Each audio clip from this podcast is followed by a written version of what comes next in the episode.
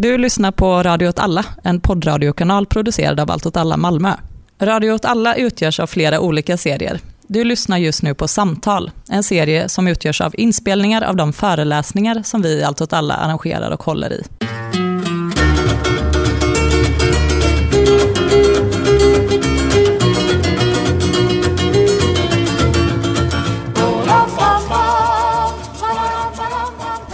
Jag heter Kalle och jag ska moderera och jag kommer från Allt åt alla. Och det här är första dagen på Stadskampsveckan 2020 och Stadskampsveckan är någonting vi håller varje år som vi håller för att belysa rätten till staden-frågor och för att ha någonting att göra i slutet på sommaren, den mesta tiden på året.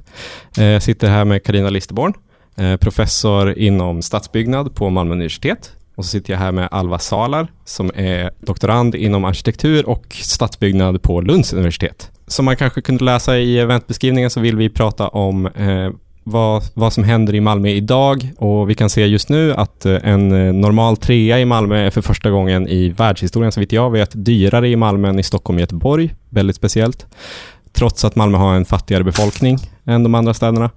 Eh, vi kan också se att Malmö har, driver ganska stora projekt ute i Nyhamnen där det ska bli ett stort nytt bostadsområde. Eh, I huvudsak bostadsrätter och i huvudsak ganska höga hyror och utifrån en liksom målgrupp som kanske inte är den gemene Malmöbon.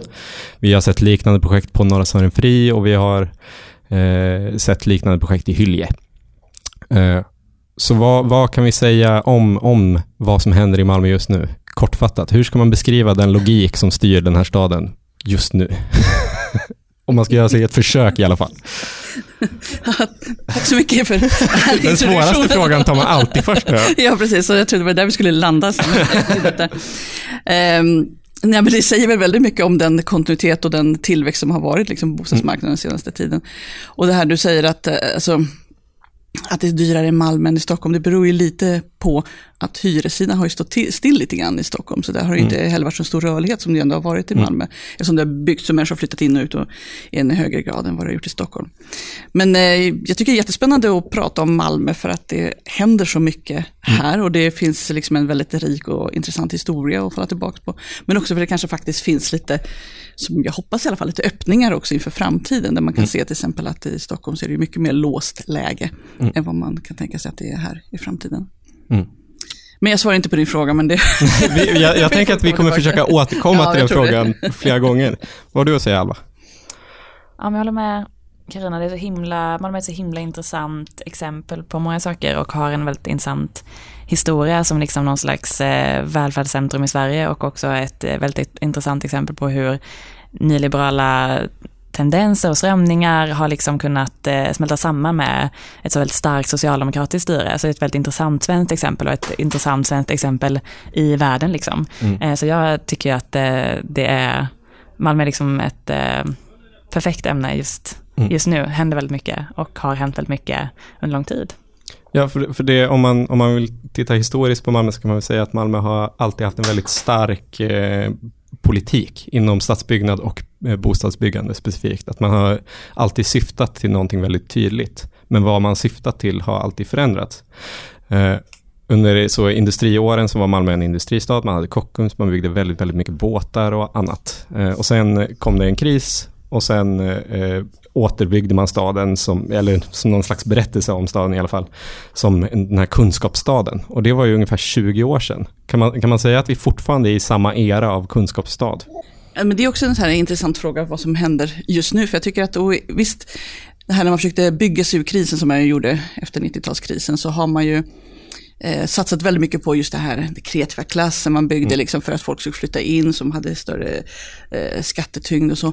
Men nu kan man ju se att det ändå finns en önskan om att liksom bygga fler bostäder. Att försöka skapa, alltså det byggs ju väldigt mycket i Malmö just nu. Men samtidigt som MKB eller allmännyttan då bygger så säljer de. Så det är liksom många så parallella processer som går in i vartannat. Så på ett sätt så tycker jag att diskursen har förändrats. Och inte minst med att Malmö eh, stad har gått ut med det här och sagt att nu är vi med i The Shift och vi ska mm. liksom visa att vi ska bygga för folk som man har råd att bo. Och man har gjort den satsningen för ungdomar, ungdomsbostäder eh, som ska, tusen ungdomsbostäder som ska liksom inte vara dyra, att en, människa ska, en ung människa ska ha råd att bo i dem och så. Och det är ju liksom ändå en, en annan typ av prat, tycker jag, mm. som har förändrats de sista tio åren kanske.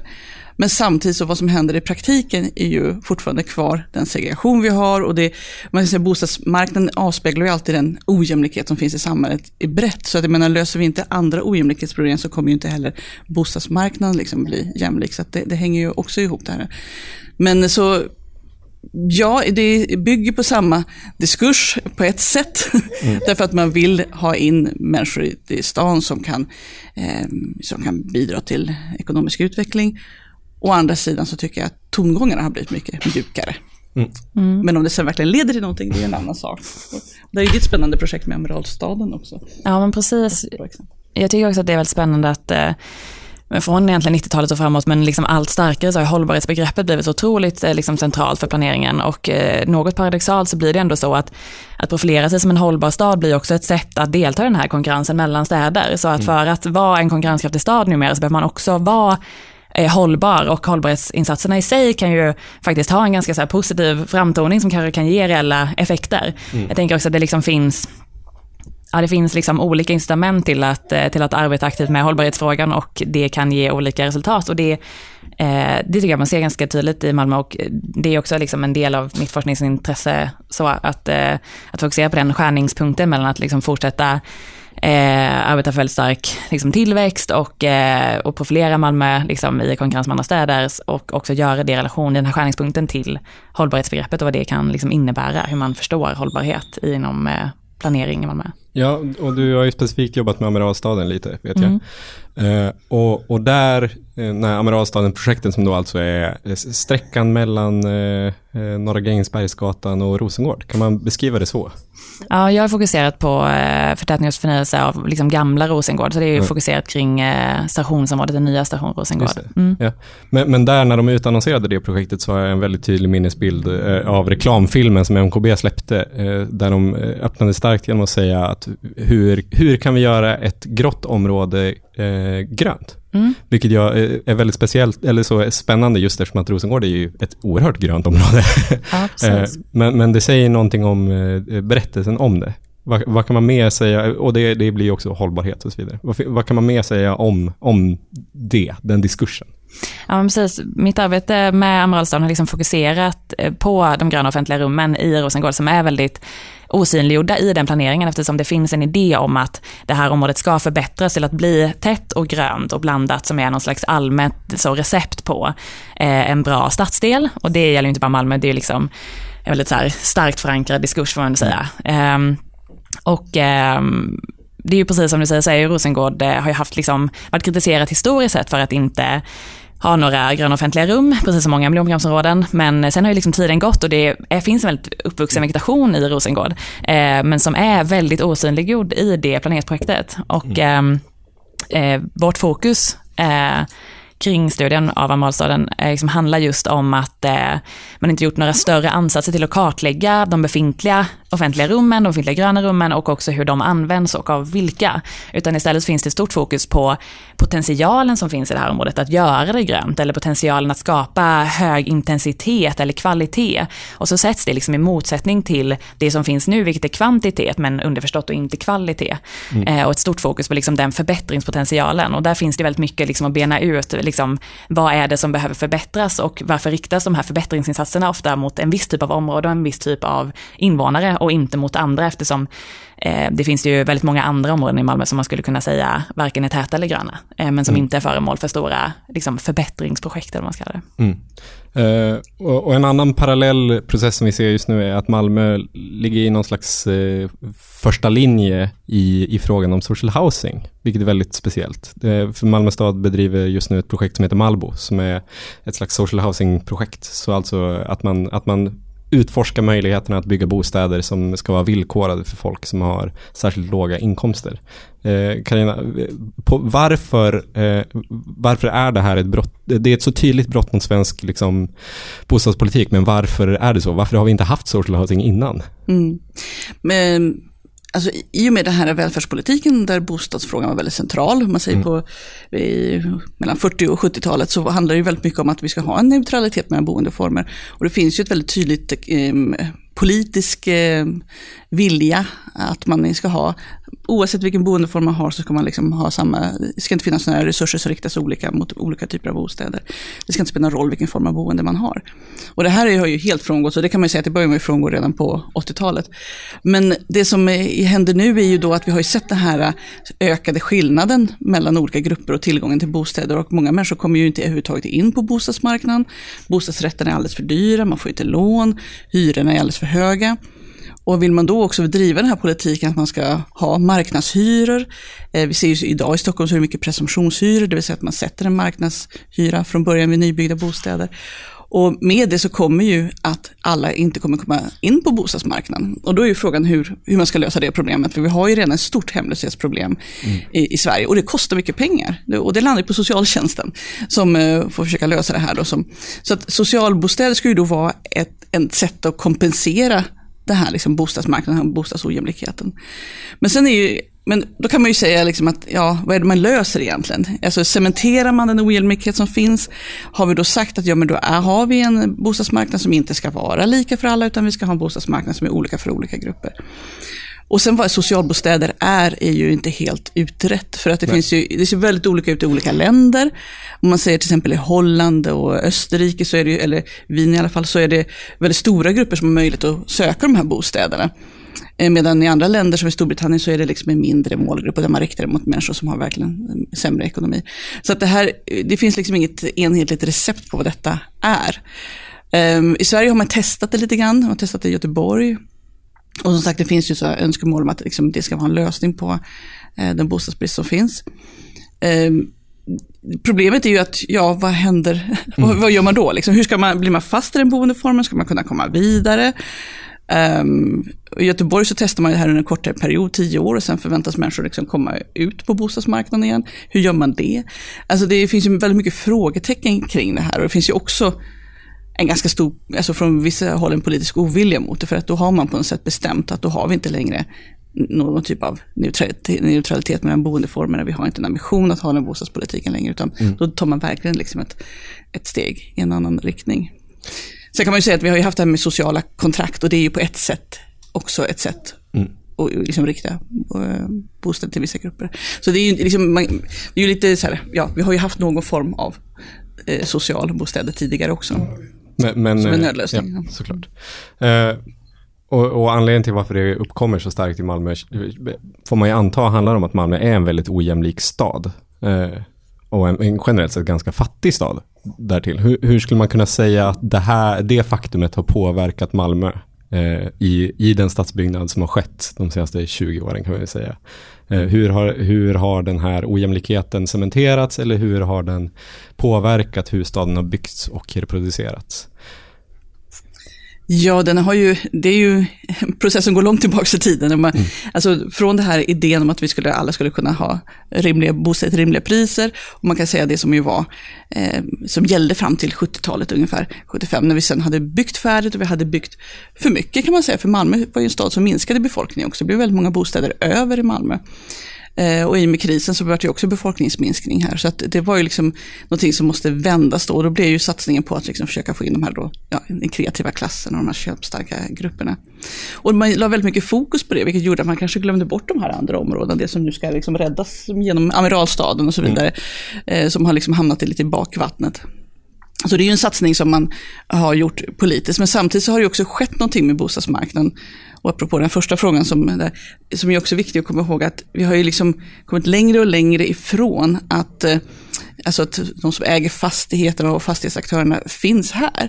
Mm. Alltså vi har ju sett en finansialisering av bostadsmarknaden, vilket gör att stora internationella globala företag ju köper upp fastigheter lite överallt. Och de som Blackstone som har köpt upp olika delar. Och i Rosengård har ju det varit en ständig process att man liksom har, har köpt och sålt fastigheterna och ingen har egentligen tagit någon större hänsyn om hyresgästerna. Och det här gör ju att idag så vet ju folk knappt vem det är som äger ens bostad. Mm. Alltså det är massa olika dotterbolag och olika kedjor. Och det här det har ju ytterligare gjort att kommunens redskap blir, liksom, det blir svårare och svårare för kommunen att verkligen göra någonting.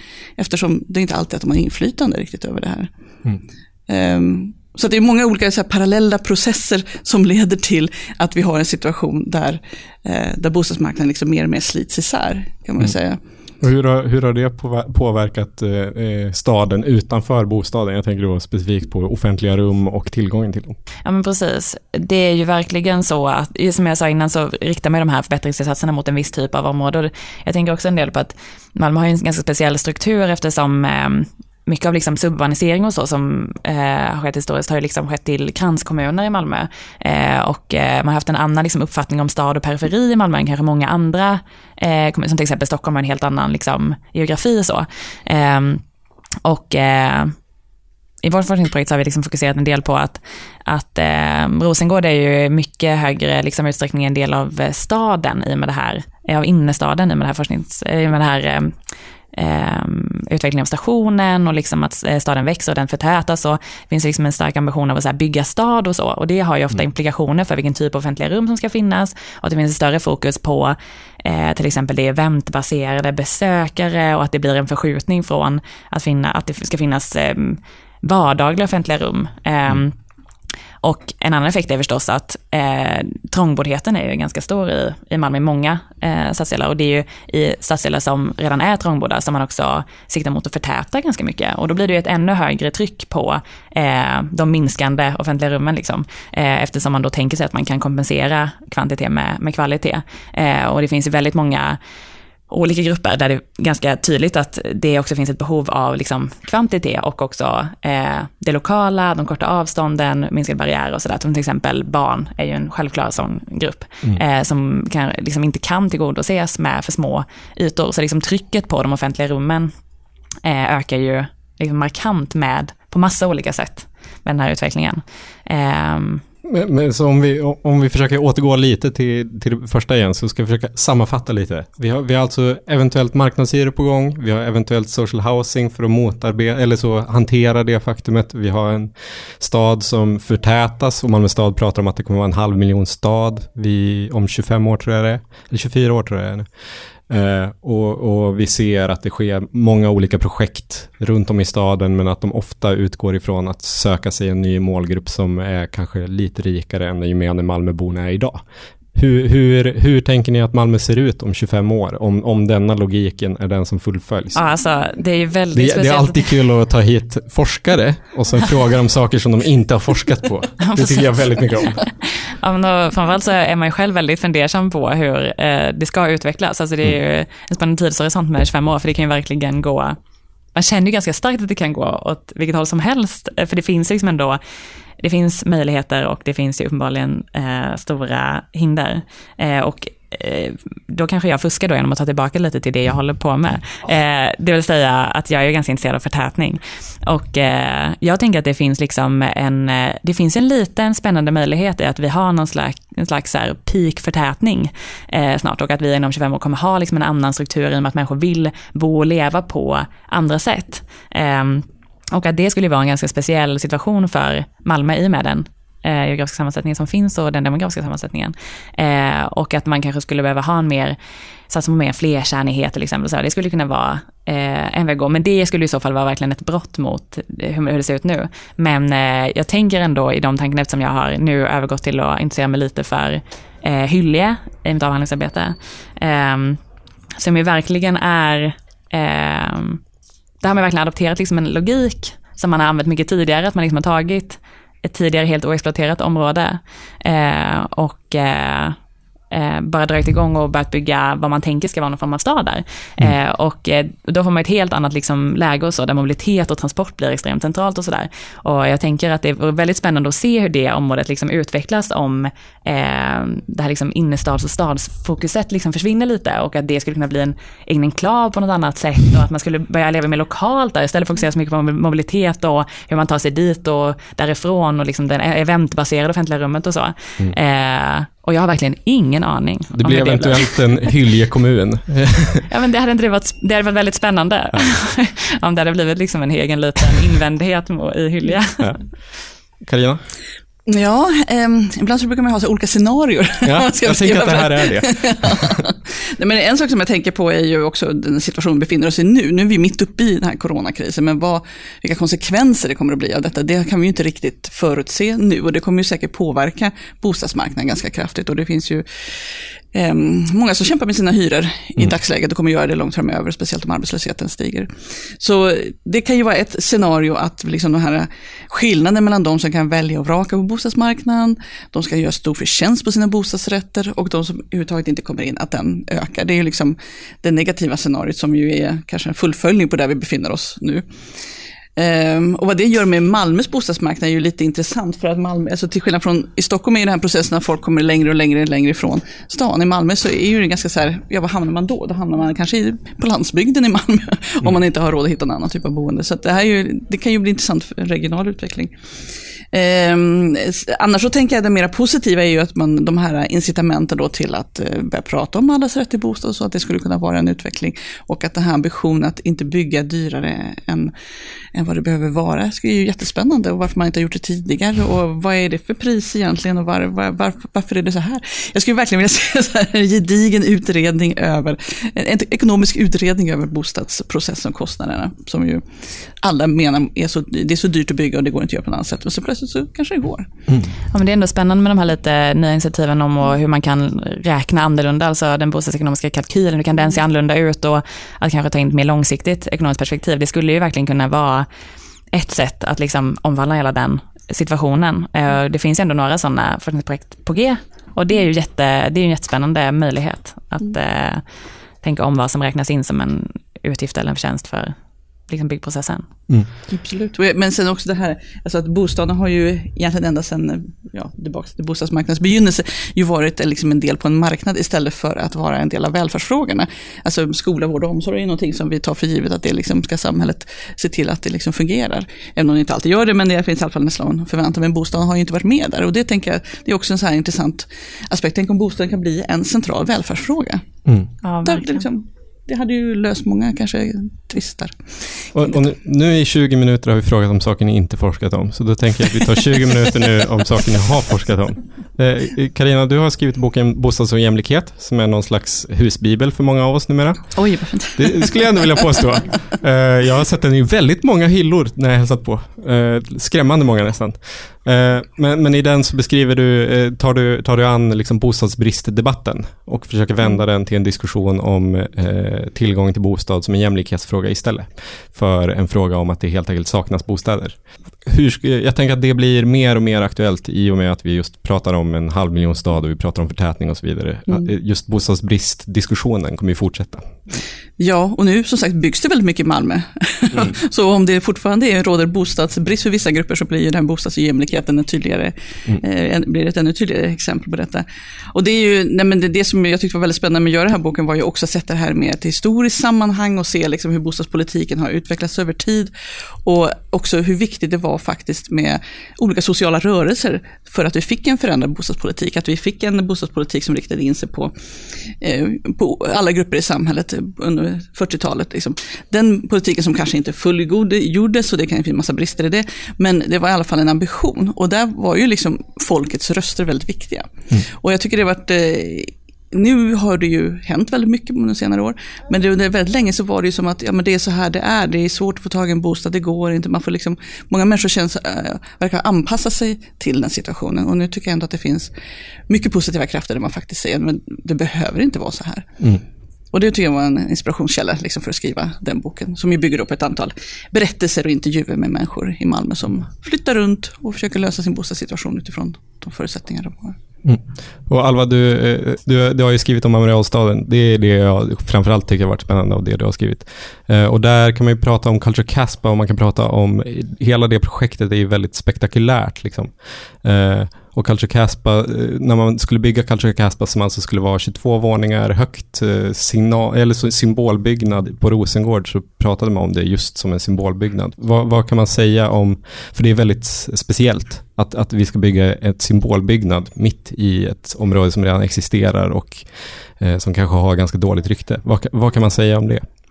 Ja, nej, men precis det att man ju vill eh, genom stadsplanering representera någon slags eh, brytpunkt med liksom det befintliga. Och eh, det är egentligen inte någon ny idé inom stadsplanering, alltså det har ju varit väldigt mycket så man har behandlat liksom befintliga miljöer genom alla tider. Och Eh, ofta så finns det en idé om att det är det befintliga måste utgå från, eh, men sen så eh, handlar ju planering på något sätt ändå om liksom vilka förändringar man kan göra, vilka förbättringar man kan göra och sådär. Och det, det är ju ändå det är inbyggt, liksom. det är ju meningen att man ska ha en idé om hur ska det bli bättre här, hur ska människor kunna leva här. Eh, men, eh, men det som blir tydligt blir väl att man har en idé om att det som är befintligt måste förändras ganska radikalt och att det eh, finns liksom eh, att det finns kriterier för vilken typ av liv som ska levas i det här området och att det, man behöver eh, planera och eh, bygga på ett sätt som liksom symboliserar den förändringen. Um, och eh, vi har väl också fokuserat på just att det är vardagsplatserna som kanske tar stryk, eller som egentligen inte de är egentligen inte ens synliga i det mm. projektet. Liksom. De är väldigt osynliggjorda så att det blir en väldigt selektiv kunskapsproduktion där man fokuserar väldigt mycket på på den här eh, tänkta potentialen då, väldigt lite på det som finns i området. Mm. Ehm, mm. Men nu har ni båda pratat mycket om den så kallade kulturella klassen och ni har beskrivit den här målgruppen som man söker. Men, men vilka är de här människorna egentligen? Eh, om, vi, om, vi förutsätter att de inte finns, för att det blir lättare att prata om det då. Eh, hur skulle man beskriva den här, eh, de här individerna som man söker efter? Liksom? Vilk, vilka är de? Ja, om man tittar på hur Richard Florida beskriver dem så har han ju en ganska tydlig idé om vilka de är. Men jag tror att man har väl en slags föreställning om att det är människor som kommer och startar upp företag som blir mm. framgångsrika. Och i Malmö så har man nog haft det, man vill nog gärna att det ska vara inom det här nya medier, ny digital teknik, alltså spel, kultur. Mm. Där, där, gärna lite trendigt, lite hippt um, ensamstående, helst utan barn, som inte måste bygga skolor precis där. Och så. det gör livet lite lättare. Uh, och som bara tjänar pengar och liksom, mm. går ut och äter på restaurang och får igång liksom, allting som hör kring det urbana livet. Det finns ju väl någon slags romantisk bild av att alla städer ska vara som Manhattan eller något sånt där. Det är liksom mm. en föreställning tror jag. Och, alltså, man kan ju skämta lite om det här och tycka att det kanske, jag kanske förlöjligar det, men jag har varit med på sådana här liksom, dagar kommunfolk och annat folk, där man liksom bjuder in en trendsättare som sitter och berättar hur coolt det är i London. Eller det, det, det, det, det är... Det är inte coolt i Lund. nej, nej, men så, ja. Ehm, jag tror att det finns ganska naiva föreställningar om detta, men naturligtvis så handlar det om att man liksom vill ha in pengar med, så, eller människor som kan liksom betala skatt och kan bidra liksom till kommunens ekonomi.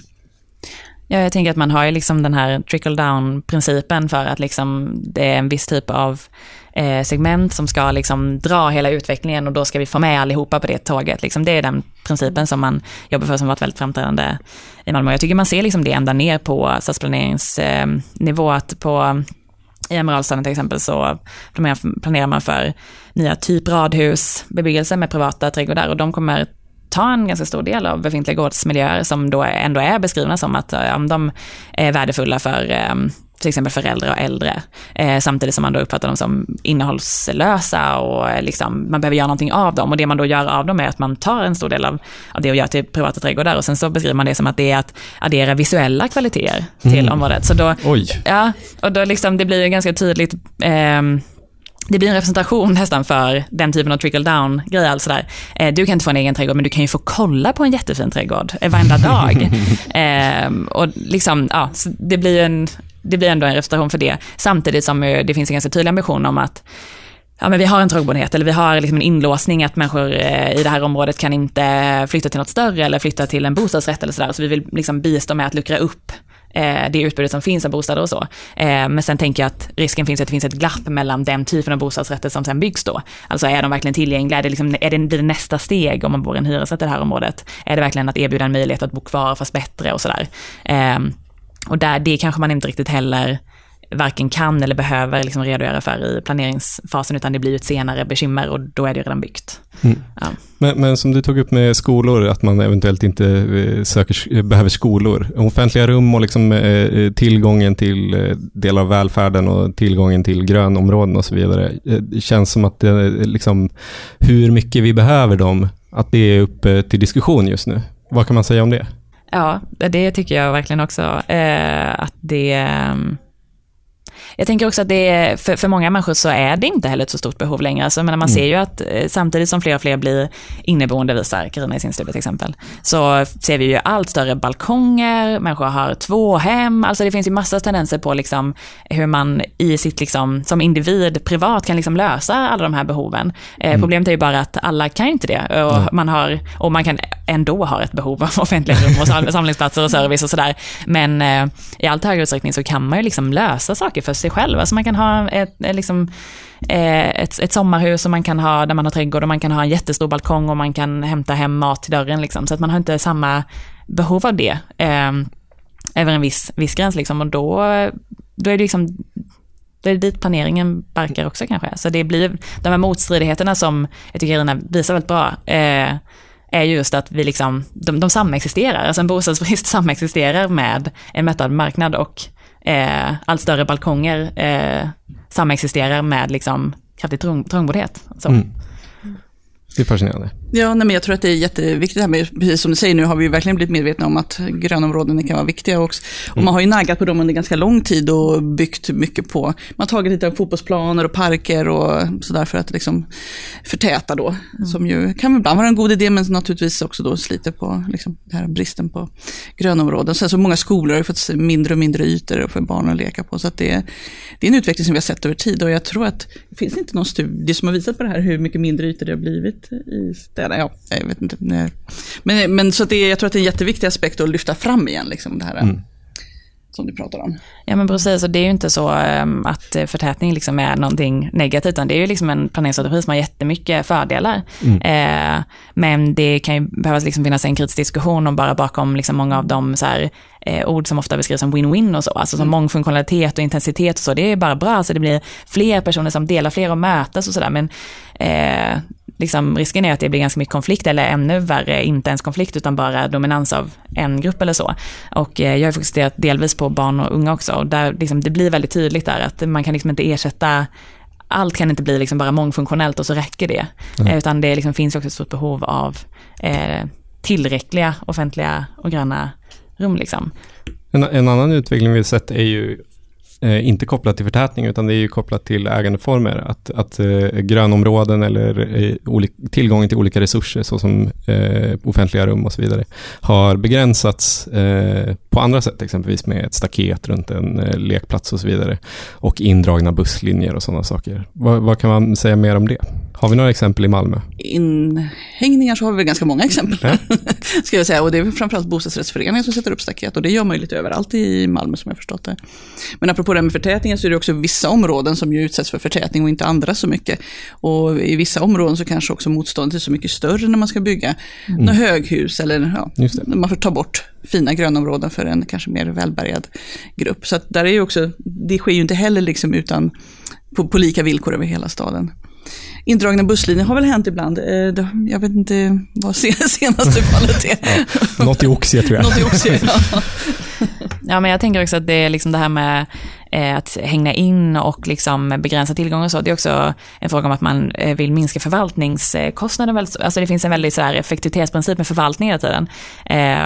Och nu har jag såklart varit på SLU och andra på, och blivit liksom en förvaltningsälskare. Men det är ju också en väldigt viktig del av liksom av planering och arkitektur, att följa, följa upp det, liksom att intressera sig för förvaltning av, av gröna rum och gröna offentliga rum och sådär. Eh, och att eh, det kostar ju liksom att förvalta och eh, det blir ju slitage, alltså, och särskilt då om man har mindre och mindre ytor. Då, eh, och, och det blir ju liksom en motsättning där som ofta leder till att man begränsar tillgången. Eller som eh, på Emporia där man istället har gjort eh, till exempel en, en takterrass då, som ju verkligen är så ett ganska centralt grönt element eh, i Hyllie, men som då bara är tillgänglig när köpcentret är öppet.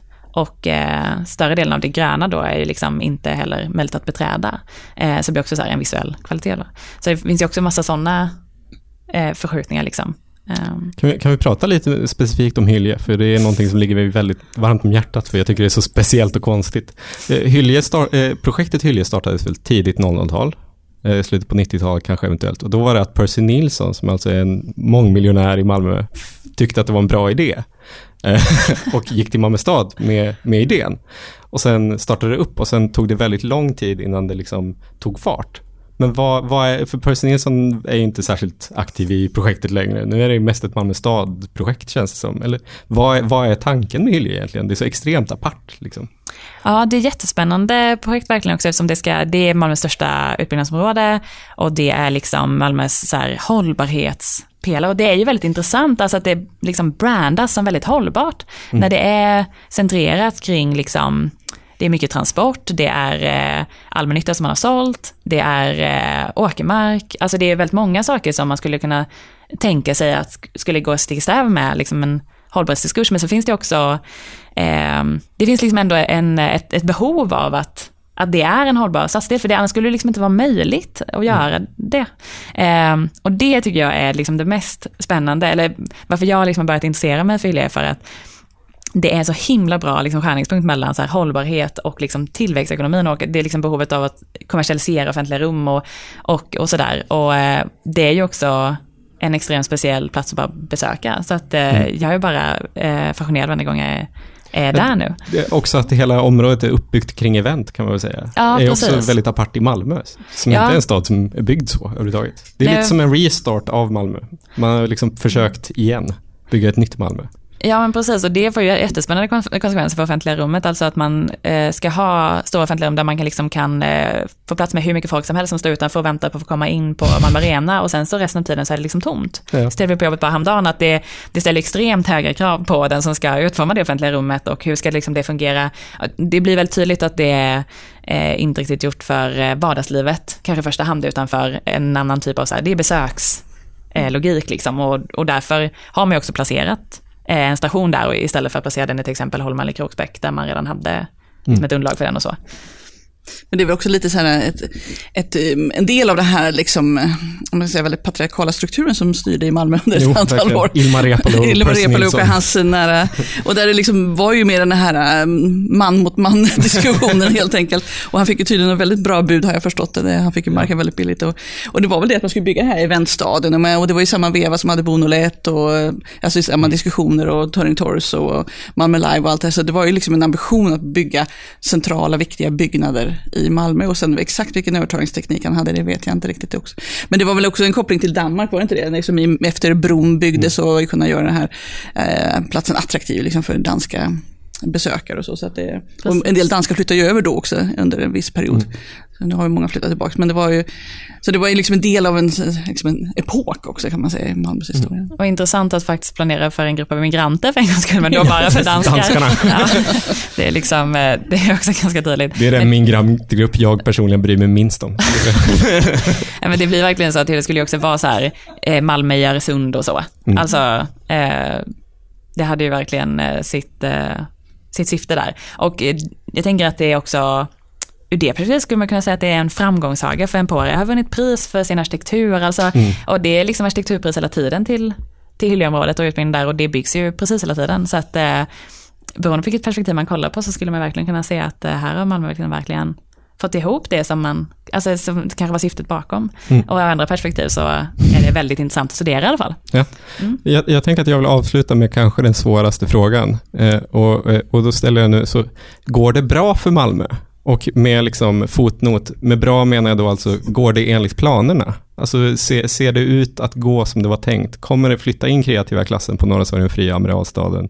Eh, flyttar det massa danskar till Hyllie? Så, eh, går det bra utifrån premisserna? Eller, eller verkar det som att det inte kommer flyga riktigt? För Malmö är ju en stad som fortfarande lider med en stor fattigdom, så man kan ju förstå om det inte flyger. Ja, ur den, ur den synvinkeln så flyger det väl faktiskt inte att eh, man behöver liksom, och det är väl kanske det också vi ser, att man, att man, det händer ju ändå lite på liksom eh, jämlikhetsfronten för att det är så pass, det är så akut. Mm. Liksom. Men eh, jag, jag undrar också själv jättemycket hur, eh, hur det går. Jag tänkte liksom, går Emporia bra? Tänkte jag bara på häromdagen. Går det, Mm. går det bra? Ja, det tror jag att det gör. Eh, säljs alla lägenheter som, ja det kanske de gör. Alltså så att, jag tänkte att det kanske inte gick så bra, så tänkte jag det kanske gör det. Mm. Vad säger du? Nej, men jag är också lite frågande kring det. Alltså jag, jag, man brukar säga att Malmö är liksom fattigt med högutbildat. Och det är ju liksom på ett sätt då en potential liksom till att det skulle kunna hända många spännande saker, tänker jag. Men, men eh, jag vet inte om det går bra. Alltså jag, tror, jag tror att de här projekten alltså de har ju fått en hel del stöd under processens gång, men att det ändå liksom har väl flugit lite grann, det, det tror jag nog. Och Bonolett blev ju inte som det var tänkt, men det har ju blivit bra.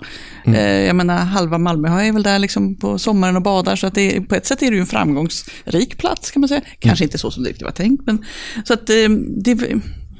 Ja, men jag tror Malmö har ändå, om du liksom, om Malmö stad är nöjd, det vet jag inte alltid. Jag tror att de kan tycker att det finns väldigt mycket problem. Men jag tror ändå att Malmöborna är väldigt nöjda mm. med Malmö.